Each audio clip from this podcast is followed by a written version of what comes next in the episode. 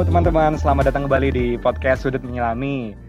Apa kabar kalian? Semoga kalian di rumah sehat-sehat aja dan tetap masih di rumah aja, jangan ke mana-mana dulu. Dan nggak terasa kita sekarang udah sampai ke episode keempat.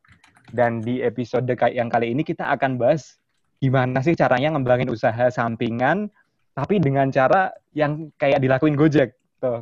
Karena gue gue ametin sekarang banyak teman-teman yang pada mulai usaha sendiri gitu kan buat cari uang tambahan karena tahu sendiri keadaannya kayak gini terus mungkin juga pada di layoff atau mungkin gajinya dipotong nggak tahu kan kita. Jadi kita kita pengen uh, kasih insight nih gimana caranya ngembangin usaha dan supaya gimana caranya orang-orang itu pada aware sama produk yang kita buat dan akhirnya loyal sama produk yang kita buat. Jadi untuk ngomongin itu kita panggilin nih dua tamu yang emang masternya di bidang itu. Jadi yang tamu yang pertama ini ada Kak Hafiz Baktiawan selaku uh, junior manager CRM-nya Gojek. Dan kedua ada Kak Caroline Ratu Olivia dari uh, yang pernah juga kerja di Gojek, yang jadi business intelligence analystnya di digital marketing Gojek. Oke, jadi apa kabar kalian? Halo. Baik, halo, halo. Baik. Oke, oke. Sebelum kita ke menuju ke topik utama kita, kita kenalan dulu dong dari Kak Hafiz. Coba dulu dulu waktu kuliah uh, apa namanya ambil jurusan apa dan udah pernah kerja di, di mana aja nih? Oke, um, nah uh, halo semuanya. Jadi nama gue Hafiz. Um, kebetulan sebenarnya gue dulu satu kampus sama Fikri, yeah. cuman beda beda program gitu kan. Uh, iya, yeah, tapi sebenarnya gue ambilnya dulu satu jurusan uh, jurusan manajemen. Konsentrasinya sih ambilnya manajemen operasi. Jadi Waduh. kayak ngurusin ngurusin supply chain kayak gitu kayak gitu kan uh, kanban kaizen dan sebagainya kayak gitu lumayan nggak terlalu nyambung sama apa yang gue kerjain sekarang sih uh, gue sekarang kan karirnya lebih fokus di marketing ya uh, terutama di customer behavior uh, customer retention kayak gitu nah okay. uh, kalau misalkan karir aku sendiri sih Um, dulu awalnya itu aku join jadi manajemen trainee di e-commerce yang namanya mataharimall.com. Kalau sekarang yeah. tuh iya. namanya matahari.com itu. Uh, okay. Dari situ, jadi kayak dari dari manajemen trainee, terus uh, setelah lulus dari pro, program itu tuh aku dilemparin di um, ini si CRM ini kayak gitu. Um, okay. Terus berjalan satu tahun di CRM. Terus kebetulan di Gojek juga lagi mulai banget nih si CRM-nya gitu. Waktu itu baru okay, ada okay, satu okay. orang dan satu orangnya pun cabut gitu. Terus Waduh, udah deh sekarang Terus sekarang aku di ini di apa namanya Gojek dan udah hampir dua setengah tahun, hampir tiga tahunan kayak gitu di okay, sini. Oke, oke, oke, oke. Oke deh, siap. Cukup, cukup, guys. Sekarang dari Kak Alif, gimana Kak? Um, kalau aku, jadi um, perkenalan dulu kali ya. Nama panjang okay. aku tuh Caroline Prat Olivia. Nah, panggilannya tuh Olivia dari nama belakang. Sebenarnya tuh hampir mirip sama Hafid sih. Um, jadi tuh aku lulus dari Trisakti itu sistem informasi. Uh, terus abis itu, uh, iya, jadi dari situ abis, uh, waktu itu zaman dulu tuh nggak nggak ada kayak yang sekarang yang kayak bisa work from home, terus uh, eh, IT tuh dulu lulusannya cuman kayak jadi tukang komputer doang kali ya. Jadi pas abis lulus tuh bingung. software. iya, paling kayak benerin printer atau apa. Tapi sampai sekarang di rumah masih benerin printer sih. Terus, um, yeah, yeah. iya, Terus kayak kalau uh, abis lulus tuh lucu, jadi terjun ke uh, dunia digital tuh gara-gara volunteeran ini. Zaman dulu ada fest, uh, apa konser namanya Java Jazz, Java Rockin' Land itu kan under Java Festival Production. Okay. Nah aku volunteeran jadi sosial media di situ. Hmm. Jadi tahun 2011 uh, Twitter tuh okay. masih in banget. Kayaknya masih ada Friendster, cuman aku lupa. Nah, habis itu baru deh dari situ hmm. mainnya dunia digital digital terus sampai sekarang. Jadi sempat volunteer di sosial media, masuk ke arcade um, digital tuh jadi kreatif agensi, jadi sosial media juga. Terus di situ jadi project manager. Okay. Habis itu ke Genius tuh uh, fintech uh, dari BTPN hmm. itu jadi campaign manager. Uh, pas main di Genius itu kenal data dikit-dikit terus uh, okay. Katanya tuh kalau di Gojek datanya bisa kebuka lebar terus bisa belajar lebih banyak lagi makanya habis itu join jadi uh, Gojek tapi habis itu jadi growth acquisition jadi yang kerjanya bikin orang jatuh cinta sama Gojek pertama kali itu aku kayak gitu. Waduh. Terus uh, ya abis itu aku jadi digital marketing analyst di situ gitu. Oke. Okay. Oke okay deh, uh, pertanyaan intro ya, pertanyaan pertama nih. Uh, Hafiz, kenapa uh, sekarang masih stay di Gojek? Apakah udah ngerasa cocok dan nyaman? Dan rasa masih banyak nih yang bisa dipelajari di Gojek? Atau ada alasan yang lain kah? Hmm, alasan di Gojek dan masih betah sampai sekarang ya. Jadi mm -hmm. jujur um, beberapa hal yang kamu mention tuh ada semua fix. Jadi mm um, apa namanya kesempatan untuk tumbuh, kesempatan untuk belajar dan sebagainya kayak gitu. Tapi sebenarnya yang paling penting adalah uh, cost-nya aku sama cost-nya Gojek tuh align kayak gitu loh. Jadi mm -hmm. dari dulu waktu zaman masih sekolah itu tuh aku pengen sebenarnya aku pengen bikin suatu produk yang dia itu tackling um, problem di masyarakat kayak gitu kan. Dan hmm. dulu kalau misalkan kita runut ke belakang kayak gitu kan, sebenarnya um, di 2012 itu Indonesians um, ada barrier untuk lebih produktif karena misalkan ada constraint di uh, transportasi, logistik, uh, hmm. banyak lah kayak gitu kan. Hmm. Kayak friction friction di daily life itu banyak kayak gitu.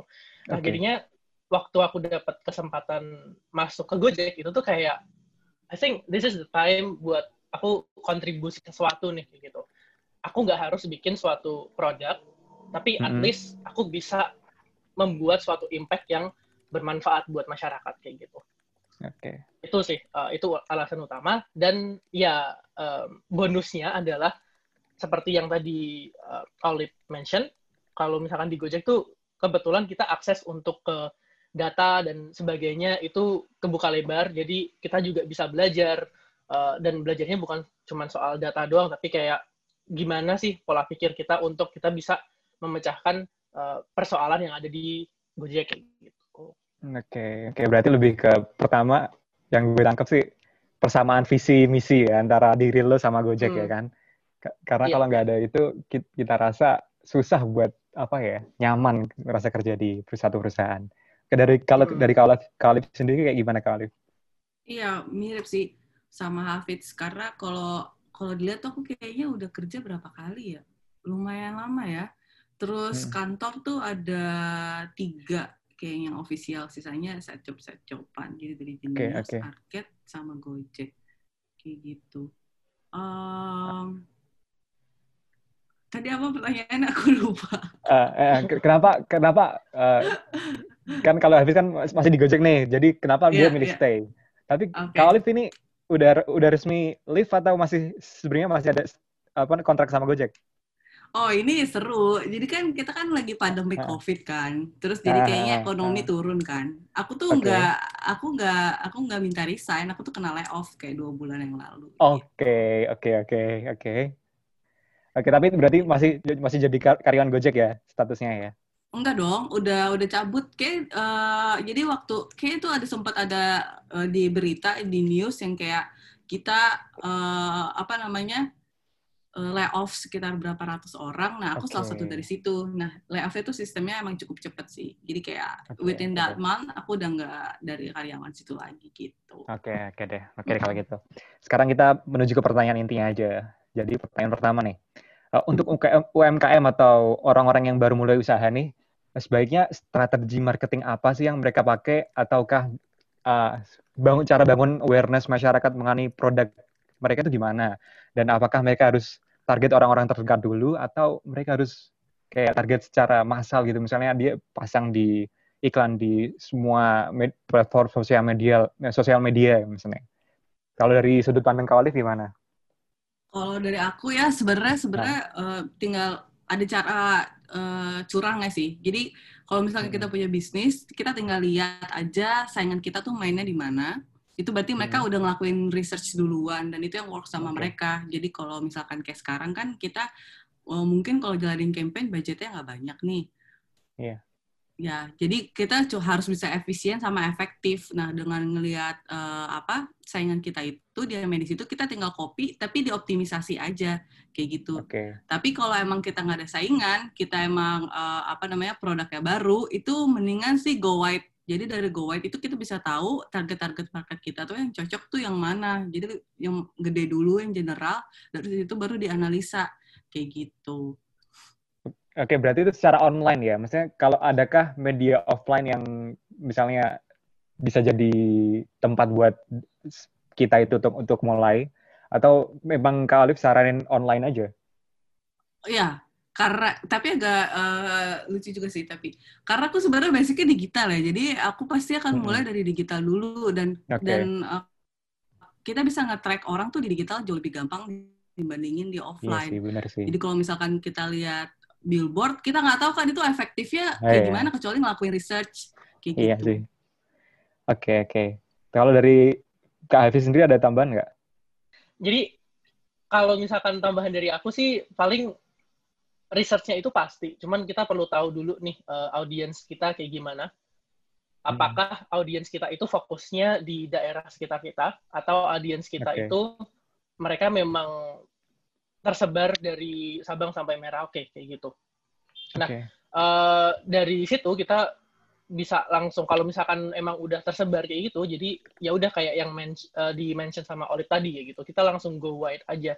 Toh juga sekarang itu orang ngelakuin bisnis tuh gampang banget ya dibandingin sama dulu.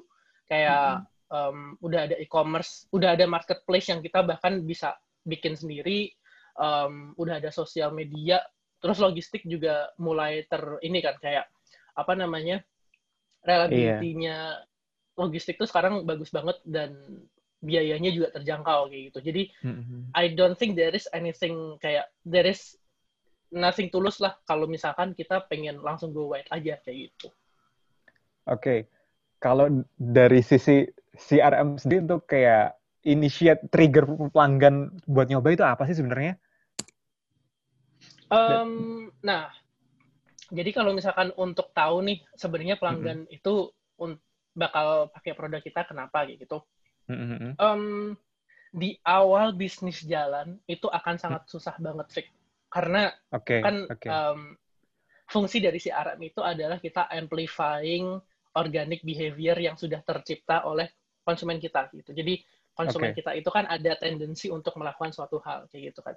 Mm-hmm. Tetapi kalau misalkan bisnis kita udah berjalan selama satu bulan, dua bulan, dan kita udah mulai punya banyak konsumen kayak gitu, kita kan mm-hmm. bisa collecting feedback dari mereka nih kayak gitu.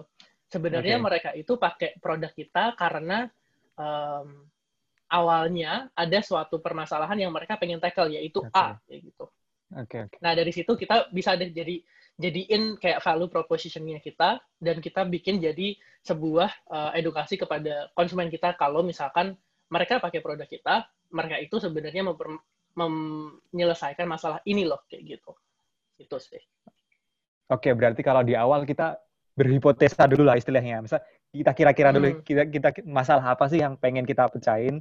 Kita sebar dulu baru lihat responnya kayak apa berarti ya. Respon dari iya. target kita kayak apa baru ntar kalau udah datanya udah kekumpul baru kita bisa uh, mengkonfirmasi hipotesa yang kita buat di awal berarti ya. Kayak gitu ya? Yes kayak gitu. Oke okay, oke. Okay. terus pertanyaan kedua. Jadi komposisi marketing online dan offline yang baik itu seperti apa sih? Karena considering budget juga ya kan untuk orang-orang yang baru mulai mungkin uh, marketing secara online itu mahal mungkin mungkin ya mungkin saya nggak tahu dan buat orang-orang yang tinggalnya di daerah kecil mungkin belum begitu aware sama gimana sih caranya buat campaign di sosial media terus gimana caranya buat apa ya budgeting dan sebagainya. Nah, menurut menurut Kak Olive nih komposisi marketing online yang dan offline yang baik seperti apa? Benar ini udah di um, uh, apa ya pertanyaannya udah dijawab sama si uh, Hafiz yang sebelumnya, ya. tapi okay, okay. Mm -mm, agak diturunin lagi. Jadi kita emang harus tahu dulu target market kita hmm. tuh seringnya ngumpulnya di mana gitu. Okay. Mereka nongkrong di mana. Jadi kalau misalkan mau komposisi offline sama online, itu depends kayak uh, tergantung target market ya kayak gitu. Kalau kayak dulu aku bikin si eh, apa jadi campaign manager di Genius, Itu tuh uh, kita emang ada kalau apa fintech itu mm-hmm. bank kan harus ada know your customer kan KYC. Mm-hmm. Jadi harus tatap muka. Nah, itu berarti kita perlu kudu ada offline-nya kayak gitu. Jadi okay. ada booth-booth di mall-mall. Tapi kalau misalkan kayak uh, aku tuh sekarang lagi ngebantuin kayak frozen food gitu. Okay. Tapi karena kita lagi PSBB, mostly di digital, mainnya di e-commerce mm -hmm. doang. Kita nggak ada apa, nggak ngeluarin budget buat kayak misalkan placement di uh, majalah atau di billboard kayak gitu enggak, mm -hmm. karena emang karena emang mostly orang lagi belanja banyak banget, terus tinggal kirim-kirim aja kayak gitu. Dan target marketnya eh, sebagian besar anak muda ya? Sebenarnya enggak juga, tapi 25 ke atas iya. Uh -uh. Oke. Okay. Karena okay. frozen food yang buat masak-masak justru target market kita kebanyakan ibu-ibu. Oh, ibu-ibu ya malah ya. Oke. Okay. Iya, ibu-ibu karena buat masak gitu. Da, uh, berarti uh, misalnya kan kita kan punya Instagram, punya Twitter, punya Facebook, mm -mm. punya. Mm -mm. Nah, ini ini cara caranya caranya nentuin ini yang paling enak nih naruh iklan di mana tuh gimana sih? Oh, ini menarik sih. Pertama kita harus tahu dulu budgetnya banyak atau enggak. Kalau misalkan budgetnya banyak, tes di semuanya masing-masing. Oh, tes Jadi misalkan dulu ya. lima ratus ribu, lima ratus ribu, lima ratus ribu gitu contohnya mm -hmm. ya, yang yang murah dalam waktu satu bulan gitu. Tapi mm -hmm. kalau misalkan budget kita dikit, kita lihat dulu komunitasnya yang uh, tersesuai target market kita, banyak kan ada di mana, di Twitter, di Facebook atau di Instagram. Tapi kalau saran dari aku sih, kebanyakan tuh orang mm -hmm. sekarang mainnya Instagram. Jadi Instagram, tuh ya? Mm-mm. Jadi mendingan fokusnya di Instagram gitu. Even uh, Facebook aku kurang tahu ya, masih banyak orang yang pakai atau enggak. Mm-hmm. Oke. Okay. Kalau YouTube gimana kak? YouTube tuh sebenarnya bagus kayak misalkan kalian mau placement buat review. Cuman kalau misalkan produksi YouTube tuh agak mahal. Kalau kita uh. mau ah. numpang sama influencer. Terus okay. uh, ngebangun komunitas YouTube juga dari nol tuh agak agak susah kayak gitu sih. Tapi placement di YouTube itu kalau kalian kayak misalkan punya produk game itu cocok kayak gitu. Okay. Review makanan juga bisa misalnya cocok. Asal ada budgetnya aja sih. Oke. Okay. Oke, okay. kalau dari Hafiz ada yang mau ditambahin nggak, Hafiz? Uh, tambahan aja sih kan tadi kalian ngobrolin soal digital ads juga gitu kan ya. Iya, yeah, digital nah, ads. Um, Dan dan kalian kan pengen nentuin apakah ini make sense di Twitter atau di Instagram dan sebagainya kayak gitu. Iya. Yeah. Uh. Um, one important thing adalah sebelum kita nentuin kayak oke okay nih aku mau pasang ads di sini, pasang ads di sini kayak gitu. Di awal hmm. tuh kita perlu ada impact analysisnya dulu gitu loh. Jadi kayak kira-kira hmm. Dengan spending aku misalkan 100 ribu per minggu, ini tuh dia bakal nambahin berapa order sih kayak gitu. Kita okay, at least okay. ada projectionnya di situ gitu. Jadi kayak uh, apakah ini rasional buat kita pasang ads atau enggak atau kita ya udah uh, kalau misalkan apa namanya penambahan ordernya itu nggak terlalu signifikan ya kita fokusin di organiknya aja kayak gitu kayak gitu sih.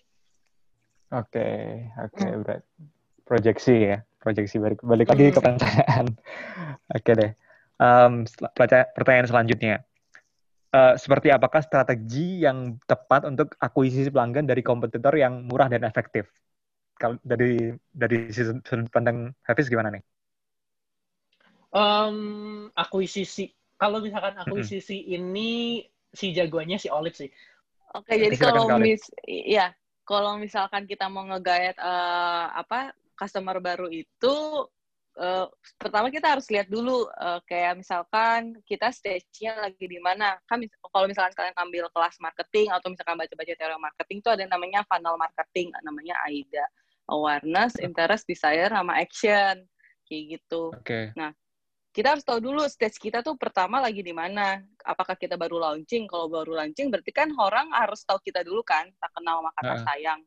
Nah, kita harus di funnel paling atas tuh awareness. Jadi kita harus okay. kayak uh, misalkan kerjasama sama uh, KOL, KOL yang udah pernah dipakai sama kompetitor, kita pakai ulang, tapi kita kasih value lebih kayak misalkan kalau kompetitor itu nggak ada apa, kita ada apa kayak gitu. Selalu ada bentar, kayak, bentar kak, bentar kak. KOL apa nih? Ada mungkin ada yang nggak tahu kan KOL. Oke, okay, sorry. Coba, KOL itu key, key opinion leader. Jadi kayak Instagram, okay. artis, selebgram. Influencer lah ya. Iya, influencer, sorry. Namanya tuh hampir mirip, cuman kalau okay. bedanya KOL itu KOL tuh kayak dia ngarahin orang supaya mikirnya tuh kayak gitu, makanya key opinion leader. Oke, oke, oke. Lanjut, lanjut. Kalau ya. Ya, kalau influencer itu nyuruh orang supaya beli itu, nge-influence orang okay. untuk beli itu, makanya ada beda-beda kayak gitu.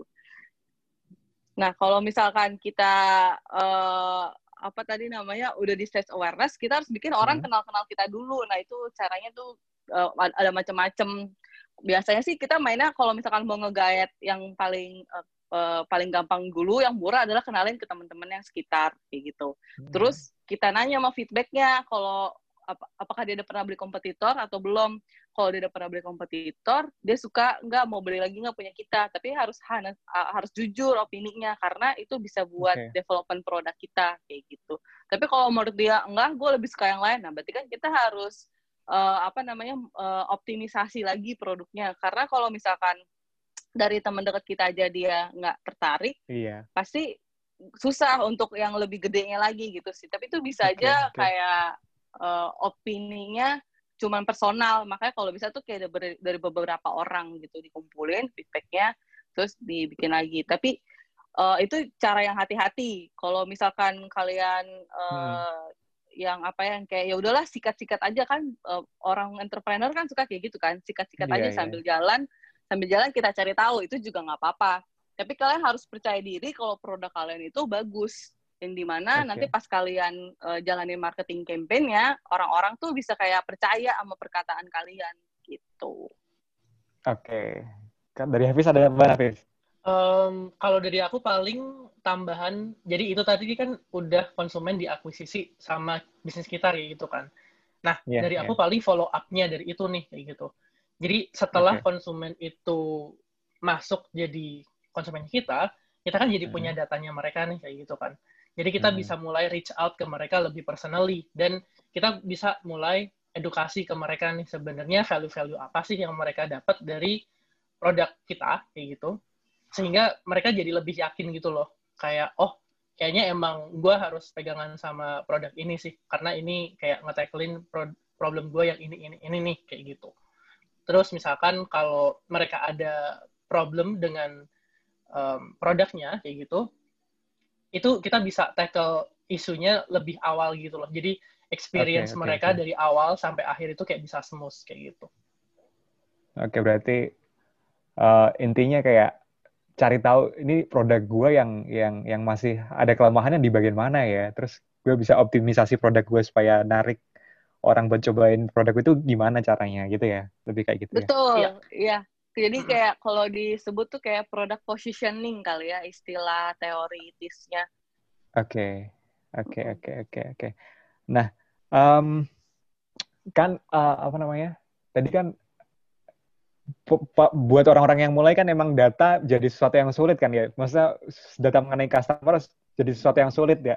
Nah, setelah setelah misalnya tadi sudah menjalanin suatu campaign di sosial media selama satu bulan baru dapat datanya kan. Nah, menurut kalian cara cara ngolah data itu gimana sih? Ngolah data dari apa yang telah kita dapatkan dari sosial media itu gimana? Karena kan nggak semua orang tahu nih data ini harus diapain nih sih data yang gue dapat. Kalau dari menurut kalian gimana nih? Uh, macam-macam. Misalkan hmm. uh, kalau misalkan dari sosial media ya uh, misalkan hmm. aku punya uh, apa namanya bisnis terus aku ngelihat followers followers aku tuh yang follow aku tuh orang-orangnya kayak gimana gitu. Itu bisa bisa ngelihat di jadi audiens target kita juga terus mereka rajin beli atau enggak. Kalau mereka rajin beli mereka rajin beli apa lagi. Itu bisa jadi kayak apa ya salah satu campaign baru atau produk baru yang kita bikin. Itu buat sosial media tuh kayak gitu atau aku bisa nargetin misalkan gini di sosial media ternyata yang follow aku orang-orang yang orang-orang yang suka nge-gym, suka sport kayak gitu kan. Berarti okay. aku bisa nge-nargetin orang-orang yang mirip-mirip kayak dia lagi kayak gitu. Oke, okay. kalau kayak gitu emang emang ada ya, dat maksudnya kayak uh, apakah data itu dapat diekstrak dari misalnya Instagram, maksudnya uh, kayak apa ya kategori kategorisasi itu keluar di Instagram secara otomatis kah atau kita kayak harus melihat satu-satu nih follower kita? Iya, uh, sebenarnya sih uh, itu manual. manual kan? Jadi, iya kan? Iya manual. Jadi tuh ya emang nih trik-trik kan gitu sih. Sebenarnya ada uh, toolsnya tapi berbayar monthly itu ada juga. Uh, okay. Aku lupa, mungkin Hafiz ingat dia suka ngulik-ngulik. Kalau aku biasa sih karena emang cuma buat iseng-iseng. iya. Buat iseng-iseng tuh uh, aku biasanya tuh ngelihat kayak yang paling sering uh, nge-like aku tuh siapa. Terus aku cek, okay. oh dia ada nge-follow siapa lagi nih yang samaan kayak aku gitu. Atau dia nge-follow brand lain nggak ya? Terus aku lihat brand yang lain, ada ada yang mirip nggak yang di-follow sama followers aku juga. Okay. Itu kan suka kelihatan tuh di Instagram. Kayak gitu. Iya, iya, iya. iya. Oke. itu maksudnya kalau kalau Olive kayak gitu tuh kayak sampling beberapa orang gitu kan atau kayak kayak Olive berusaha untuk semua followernya dianalisa satu-satu kayak gitu? sampling aja yang paling rajin. Sampling aja ya? Misalkan uh, uh, satu minggu terakhir kayak gitu. Cuman itu emang hmm. datanya sebenarnya data vanity ya, yang kayak kita nggak nggak tahu impact impact ke salesnya kayak apa kan. Sedangkan hmm. kita mau tuh yang bikin kayak penjualan kita tuh laku. Nah, data yang lain itu yang biasanya aku ambil tuh data dari pembelian di Tokopedia atau di Shopee. Nah, itu kita bisa lihat-lihat itu kayak gitu di Tokopedia tuh langsung kelihatan misalkan uh, pembeli kita tuh kebanyakan cewek umurnya berapa itu enak banget bisa dilihat dari situ okay. jadi kalau misalkan kita tahu itu kita bisa uh, apa modif uh, komunikasi kita di Instagram itu jadi lebih kayak lebih ke cewek karena ternyata yang yang suka beli kita tuh cewek gitu oke okay. berarti konsentrasi ke apa ya yang udah ada tendensi gitu ya ke pelanggan iya, yang betul. Oke oke oke oke oke oke. Kalau dari Hafiz sendiri ada ah, ya, lanjut lanjut Kak. Oh iya, sorry. Jadi kalau misalkan di Gojek tuh istilahnya ada low hanging fruit. Kalau misalnya kita lagi okay. uh, eh, lagi ngumpul nih, lagi minting, terus kita nge-juggle down kayak, oh ini problem, problem, problem. Ini mungkin uh, hipotesanya kita bikin kayak gini, kayak gini, kayak gini. Terus nanti itu ada kayak apa namanya matrix ICE kayak uh, apa impact confident sama ease. Jadi buat tahu yang mana yang impactnya gede tapi ngerjainnya tuh gampang kayak gitu. Oke, okay, oke, okay, oke, okay, Nah, okay. terus confident nggak untuk ng ngasih impact ke KPI kita? Nah, dari situ baru kita bilang, oh ini nih, ini yang paling gampang kita kerjain, itu low hanging fruit. Jadi kalau misalkan ada pohon, yang paling gampang dipetik tuh yang mana, kayak yang gitu. Yang mana, oke. Oke, oke, oke. Menarik, menarik. kalau dari Hafiz ada tambahan nggak, Hafiz? Uh, kalau dari aku sih, dari sisi internal ya. Jadi kalau tadi kan lebih mm -hmm. kita cari data dari sosial media gitu kan. Kalau mm -hmm. dari aku kan kita juga pasti tahu nih konsumen mana yang mereka itu belanja di tempat kita. Terus mereka belanjanya produk apa aja, uh, di mana aja, terus ada diskon atau enggak kayak gitu kan. Nah, mm -hmm. uh, kalau suggestion dari aku adalah kita mm -hmm. bisa bikin pencatatan itu kayak gitu pencatatannya nggak harus nggak harus bikin yang uh, complicated kita bisa pakai Google Spreadsheet aja gitu yep. nah okay. jadi jadi itu nanti misalkan nih uh, mungkin rada susah kalau misalkan digambarin di podcast ya tapi kalau misalkan di satu row okay. itu nanti ada kayak um, nama konsumennya siapa, terus dia belinya apa, kapan, uh, produknya apa, dan sebagainya gitu. Nah, hmm. itu kan nanti datanya itu kalau misalkan dia udah banyak banget, itu kita bisa ngolah gitu kan. Jadi misalkan nih, okay. oh sebenarnya dari konsumen kita itu mana ya yang dia itu paling sering belanja atau paling jarang belanja tapi sekalinya belanja itu dia langsung banyak dan sebagainya kayak gitu. Okay. Jadi um, trik dari aku sih paling uh, manfaatin aja banyak kayak tools yang sebenarnya udah available buat kita kayak Google Spreadsheet, terus uh, Google Form dan sebagainya itu sih.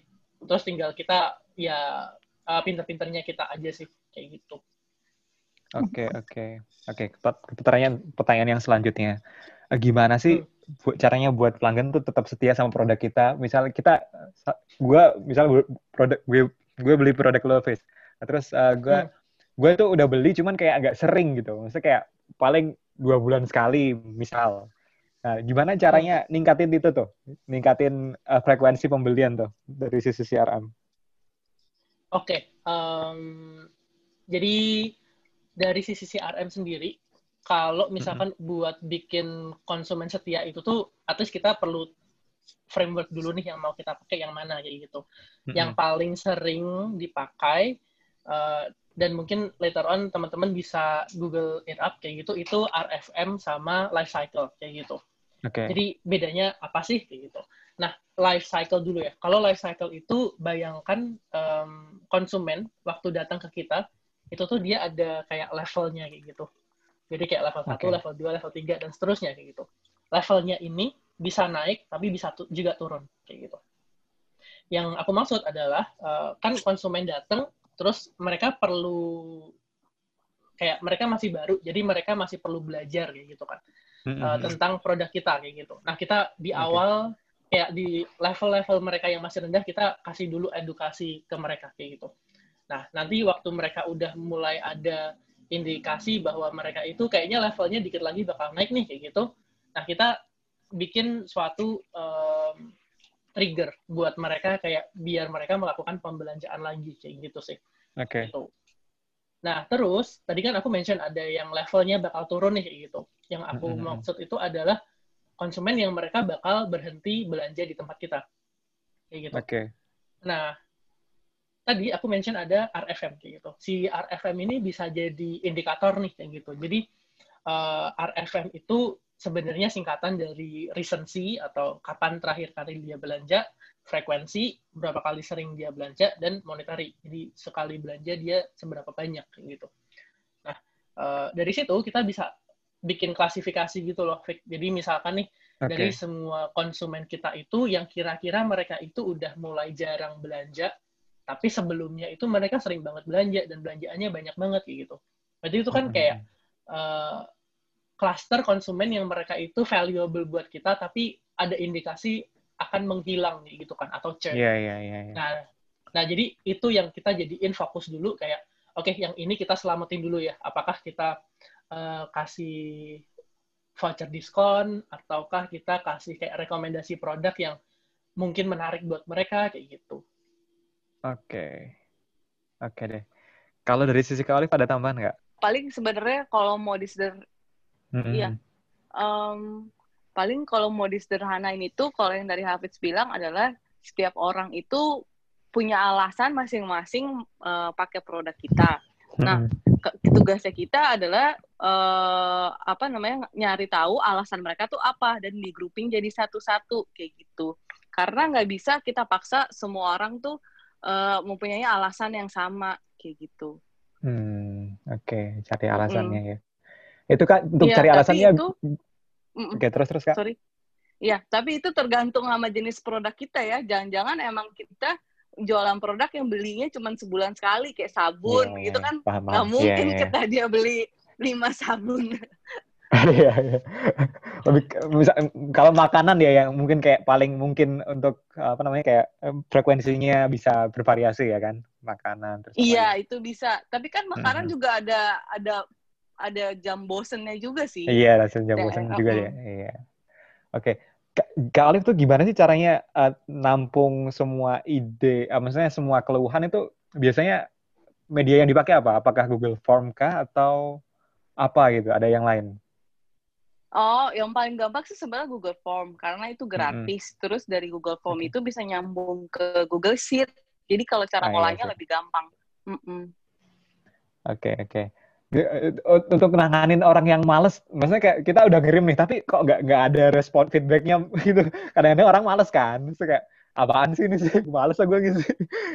gimana iya, caranya iya, iya, iya. buat orang make sure, buat orang tuh kayak bener-bener ngisi gitu secara secara bener-bener valid gitu lah. Gimana caranya? Kadang-kadang jadi pertanyaan saya. Iya sih benar. Cuman tapi itu pasti ada kan. Kayak misalkan kita ngelempar ke 100 orang tapi yang ngisi cuma 20, itu mungkin banget. Iya. Tapi kalau emang mau ningkatin 20-nya itu jadi 30, misalkan kita iming-imingin hadiah, kayak nah, ada iya voucher lima ratus ribu, kayak gitu sih. Cuman nggak mungkin 100 persen. Iya, balik lagi ke budget ya. iya. Ya, orang Indo ini kalau nggak diinsentifin nggak nggak nggak jalan. Emang pasti gitu. Okay. Eh, kecuali ada lagi, kecuali kalau mereka emang suka banget sama produk kita. Pasti kalau kita mintain feedback, tapi personal gitu sih paling. Kayak ngejapriin, gitu ya? kayak isi dong gitu. Mm -mm. Kalau yeah, dia suka yeah. banget. Suka banget ya, oke okay, oke. Okay. Oke okay deh, terus pertanyaan selanjutnya. Uh, kalau tanda-tandanya orang yang mau berhenti pakai produk kita itu apa sih? Dan gimana cara tadi Hafiz sudah sempat mention sih, cuman pengen gali lebih dalam aja sih. Ciri-ciri utamanya itu apa? dan biasanya uh, gimana sih caranya apa regain regain mereka yang mau keluar dari menggunakan produk kita itu gimana? Oke, okay.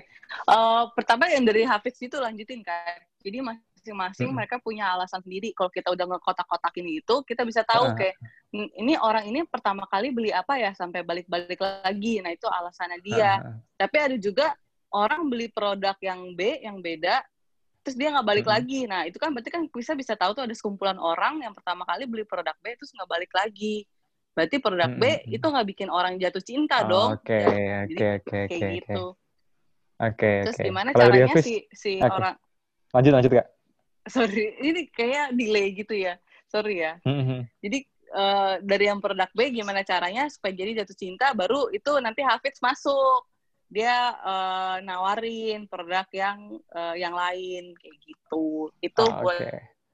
di CRM gitu ya Fitz mm -mm.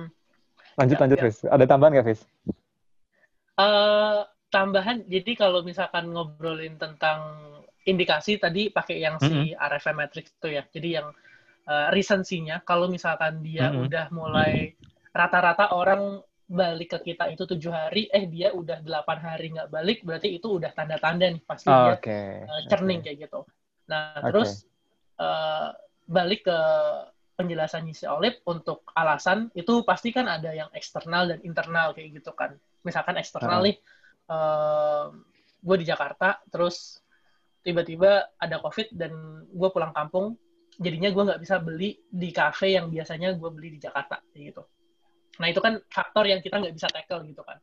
Nah itu hmm. kita lupain aja set aside for now. Kita cari alasan-alasan orang yang nggak belanja di tempat kita itu yang datangnya dari internalnya konsumen itu. Itu misalkan nih uh, apakah hmm. karena dia lari ke kompetitor atau misalkan okay. um, harganya kayak nggak cocok gitu. Nah dari situ kita baru bisa nih uh, datang dengan strategi untuk ngatasin uh, churning itu. Jadi misalkan kayak oke okay deh kita mulai ada loyalty points atau misalkan um, untuk pembelian keberapa nanti dapat um, free product atau free tester kayak gitu. Itu bisa jadi kayak strategi untuk nge-tacklein uh, beberapa masalah yang gue mention tadi kayak gitu sih.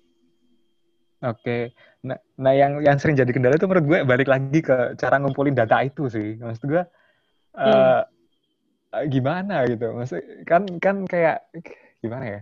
Nge-tracking oh, apa sih. penyebabnya dan apa ya itu kan yang jadi orang-orang kayak orang-orang awam gitu susah. Kamu kalau kalau kalau Gojek sih kelihatan gitu kan maksudnya data digital so, semuanya udah ada. Kalau kalau orang-orang yang baru mulai usaha gitu gimana caranya? Apa apakah uh, gimana gimana?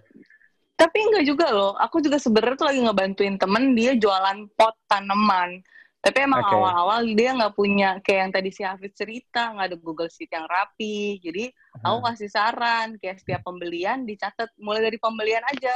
Pembeliannya okay. apa, barangnya apa, kapan, sama siapa, alamatnya ke mana. Itu udah itu udah paling dasar banget dan bisa diolah jadi macam-macam. Okay, kayak gitu okay, sih. Oke. Okay.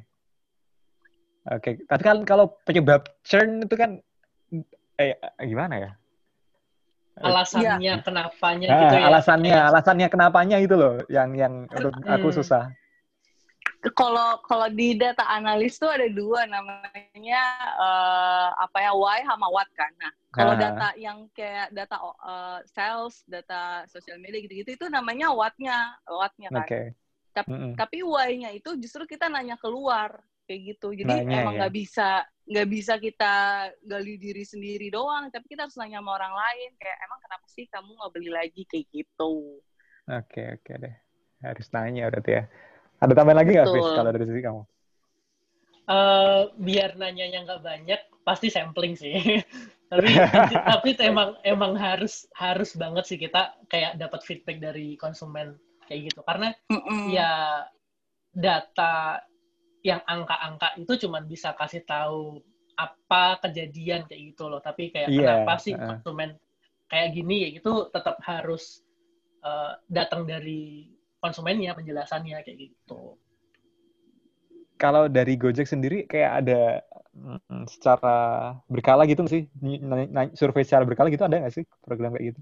Ada ada. Jadi apa namanya kalau misalkan di Gojek kayak gitu um, surveinya misalkan kayak uh, apa namanya experience konsumen sekarang mm -hmm. itu kayak gimana nih kayak gitu itu ada kadang ada suka ada surveinya kayak gitu nah dari survei itu kadang ada follow up-nya juga Fik. jadi okay. uh, misalkan nih dari 100 survei 100 respons kita ambil 10 orang kayak kita ajak ke kantor Gojek gitu Waduh. Nah, di situ di situ nanti kita bakal ada kayak uh, wawancara gitu. Jadi kayak okay. bener-bener mendalam. Deep interview gitu ya? Uh, uh, jadi bahkan alasan kenapa kamu kayak uh, suka sama produk Gojek, kalau misalkan uh, kenapa kamu suka mencet tombol ini kayak gitu kayak gitu tuh tetap bakal ada ininya gitu loh kayak uh, in-depth interviewnya kayak gitu. Jadi dari situ kita bisa dapat uh, yang alasan pure dari konsumennya kayak gitu. Oke, oke deh. Oke, ini sekarang pertanyaan terakhir dari inti apa dari topik sih. Uh, yang mana yang lebih baik menurut kalian? Apakah mengejar growth atau melayani existing customer yang sudah ada? Jadi kan kalau misalnya ngejar growth itu kan lebih ke user baru kan ya. Tapi kalau mm -hmm. ap apakah yang lebih baik growth atau apa ngantongin uang dari user eh existing customer ini sebanyak mungkin? Menurut kalian gimana? Dari Kak Alif dulu deh. Um, kalau di Gojek karena namanya nggak di Gojek sih. Kalau di uh, sering baca model-model gitu namanya ada Pareto Law. Terus itu mm -hmm. 80 20 dan di mana misalkan dari keuntungan kita 100% justru mm -hmm. yang yang nguntungin kita itu yang 20% kayak gitu. Oke. Okay. Tapi tapi gimana caranya naikin 20% ini nggak jadi makin dikit kan? Jadi kalau misalkan uh -huh. antara growth sama loyal customer yang paling penting itu loyal customer sebenarnya karena dia nguntungin hmm. kita. Okay. Tapi gimana cara loyal customer ini yang 20% ini jadi lebih banyak lagi. Yaitu tetap harus di growth di situ kayak gitu. Jadi uh. sebenarnya yang di growth itu adalah gimana caranya yang 80 berubah jadi 20 kayak gitu sih. Hmm, oke okay, oke okay, okay. Dan itu juga mungkin ini sih apa uh, pengaplikasiannya di setiap bisnis tuh bakal beda tergantung stage-nya mereka di mana kayak gitu. Karena contoh nih kalau misalkan aku punya bisnis baru kayak gitu kan ya hmm. aku mau nge siapa karena aku belum punya konsumen kayak gitu kan jadi misalkan okay. kayak di awal bisnis aku aku fokusnya nge dulu nih kayak gitu sampai aku okay. misalkan dapet kayak uh, certain numbers of konsumen jadi misalkan kayak udah dapet 100 atau 1000 konsumen kayak gitu itu kan udah mulai punya bisnisnya kayak gitu kan nah hmm. di situ kita baru bisa kayak oke okay deh uh, kayaknya kita udah aman dengan gross kita sekarang kita mulai retain si konsumen kita kayak gitu karena mereka lebih mm -hmm. menghasilkan secara value ya buat bisnis kita okay. kayak gitu. Nah, cara nentuin angka itu gimana, Fis? Apakah ngelihat dari sisi operasional lo, lo lihat ke dalam nih, gue mampunya ng ngelayanin berapa orang atau ada sesuatu yang lain yang jadi faktor pertimbangan utama juga? Nentuin, nentuin angka, ini gue sudah cukup nih, gue customer segini buat uh, make sure bahwa bisnis gue untung dan gue nggak rugi? Uh, ini rada lucu sih, cuman apa namanya? Kalau misalkan aku dari kacamata pemilik bisnis gitu ya, apakah hmm. aku udah puas dengan pencapaian uh, bisnis aku sekarang kayak gitu? Misalkan hmm. uh, misalkan target aku adalah orang-orang yang di Jakarta kayak gitu. Dari hmm. di Jakarta ini ada misalkan aku nggak tahu sih, misalkan kayak 5 juta orang kayak gitu. Hmm. Nah, visi aku adalah aku dapat uh, market share misalkan kayak 10% lah kayak gitu. Berarti uh, 500 ribu gitu. Iya, yeah, yeah. Nah, dari dari si 500 ribu ini apakah um, udah tercapai atau belum? Itu kan sebenarnya okay. kayak uh, gut feeling aku juga gitu kan. Kalau misalkan okay. oh ternyata udah udah sekitar 400 ribuan dan sebagainya itu kan udah lumayan aman juga gitu ya. Jadi kayak okay, ya udah okay. kita bisa mulai retaining kayak gitu. Cuman balik okay. lagi sih uh, apakah bisnis kita itu mau di-push lebih lagi untuk growth-nya okay. atau udah deh kita segini segini aja kayak gitu. Oke, okay, berarti tergantung ke personal masing-masing ya sebenarnya ya. Iya, mm -mm. seberapa ambisi pemilik usaha ini iya. juga gitu sih. Iya, iya, iya. Kalau dari Kalif ada tambahan nggak? Nggak ada sih, itu udah mencakup semuanya. Oh, udah mencakup semuanya, oke deh. Sekarang ini pertanyaan bener-bener terakhir nih um, pertanyaan penutup. Jadi udah-udah di luar topik. Jadi apa sih sesuatu yang penting yang kalian pelajari di dalam waktu lima tahun terakhir ini? Kalau dari Hafiz gimana? Kalau dari aku itu be the best at learning ya. Jadi okay. um, karena kalau misalkan dirunut dari zaman kuliah uh, sampai sekarang itu kan sebenarnya nggak align kan apa yang aku pelajarin dulu sama yeah. apa yang aku lakuin sekarang kayak gitu. Dan bahkan di karir aku sekarang pun kayak ada project yang mungkin aku tuh belum punya pengetahuan di situ kayak gitu. Tapi ya udah harus dicemplungin kayak gitu. Nah, yeah, yeah, yeah. cara aku bisa survive adalah ya udah aku harus bisa uh, lari dalam hal belajar gitu sih. Kalau misalkan hmm. dicemplungin dan nggak bisa berenang di medan apa pun yang aku dicemplungin, ya nanti tenggelam kayak gitu sih. Oke, okay. itu aja. Kalau dari aku itu aja sih. Oke, okay. kalau dari Kalif gimana kak?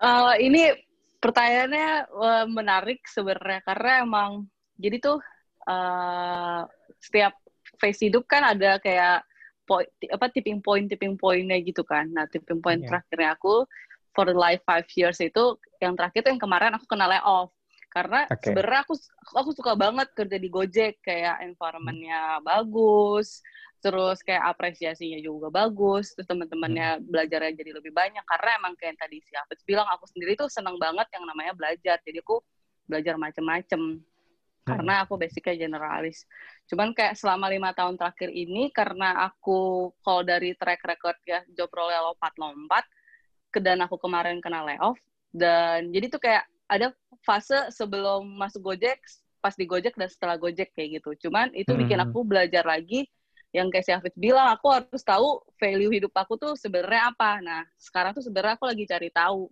apa yang aku mau okay. buat di hidup kayak gitu. Terus uh, kalau mau kerja aku mau kerjanya tuh yang kayak gimana? Karena kayak sekarang aja kita work from home aja bisa gitu. Bahkan sebenarnya bisa remote yeah. work aja. Ini kayak possibility-nya sekarang lebih terbuka sih.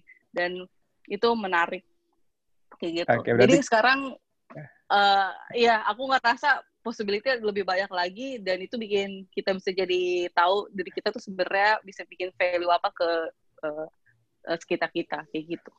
Oke, Kak Alif aja, kayak masih mengira, maksudnya Kak Alif masih masih mencari tujuan ya, apalagi, maksudnya Kak, Kak baik banget pengalamannya kan. Sementara orang-orang kayak kita ini yang yang iya. pengalamannya nggak banyak bingung gitu. Lebih bingung daripada ya, tapi emang itu kan kayak pertanyaan lifetime yang nggak mungkin dijawab dalam waktu singkat sih. Aku sih iya pertanyaannya sih, kayak gitu sih. tapi ya apa ya kemarin tuh jadi sempat ngobrol. Emang agak emang ini agak unik sih. Jadi dari kemarin tuh peng dari dulu dulu tuh pengen belajar main trompet. Cuman nggak nggak percaya diri kayak ah paling cuman uh, belajar belajar dikit doang gitu. Terus lucu banget. Kemarin abis ngobrol sama temen jadi ada temen gitu dia musician gitu di okay. di Melbourne. Dia bikin bikin musik terus lagi ngobrol eh gue pengen belajar nih trompet kata dia. Oh ya udah belajar belajar aja gitu. Terus pas lagi di kosan pengen naro ini es krim ke kulkas. Eh terus ada anak kosan lagi belajar trompet di rooftop. Terus kayak apa sih ini? Kayak sign ya kayak dunia oh, ngasih iya, tahu iya. aku harus belajar trompet kayak gitu. Ya udah aku beli mustakung mustakung iya kadang-kadang tuh mustakung tuh beneran jadi kayak iya mungkin sih, kita aware sih. aja kayak gitu. Kayak sekarang aku aku juga tadinya berpikir kan aku sedih nih karena layoff, tapi justru sekarang aku jadi bisa punya waktu sendiri, ngelakuin hobi-hobi yang kelewatan karena ternyata lima tahun terakhir aku kerja keras tapi nggak mikirin kayak diri sendiri, keluarga kayak gitu. Jadi okay. tapi yang aku pelajarin adalah yang penting uh, pertama sih mental health itu paling penting kayak gitu. Oke. Okay. Oke, okay, jadi kadang-kadang tuh semesta udah kasih tanda, cuman tinggal kitanya aja yang mampu break through the fear atau kita milih pulling pulling diri kita dari ketakutan itu ya kan? Ya betul, itu tuh aku sampai nanya. Jadi tuh ada teman aku dia uh, di kantor yang lama, dia spiritualnya tuh kayak dia dalemin banget. Terus aku nanya sama okay. dia, ini gimana ya? Kalau misalkan dalam waktu satu bulan terakhir, aku tuh ngelihat uh, pertanda tuh banyak banget kata dia. Apa aku, aku harus ngapain gitu kan? Kan panik dong, kok tiba-tiba jadi kelihatan semua gitu terus kalau terus kalau kata dia ya diikutin aja. Terus aku tanya iya. kalau ternyata pertandanya nggak baik gimana? Oh ya nggak apa-apa. Berarti itu akan ngedeketin kamu ke hal yang kamu perlu. Kata dia gitu. Jadi tergantung okay, persepsi okay. kita juga.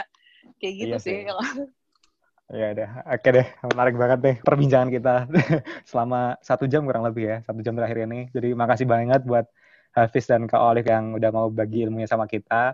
Semoga kita bisa bisa apa ya terapin dalam kehidupan sehari-hari kita atau yang yang mulai cari side hustle nih buat cari pendapatan tambahan semoga bisa diterapin mm -hmm. buat kalian dan terima kasih semoga Kak Hafiz dan Kak, Kak Olive sukses selalu dan selalu diberi kesehatan ke depannya. Um, Oke, okay, makasih. Oke, okay, makasih. Udah undang kita makasih, juga. Kalau gitu segitu aja teman-teman uh, sudut menyelami. Semoga kalian sehat selalu dan tungguin kita di podcast episode episode selanjutnya. Bye bye.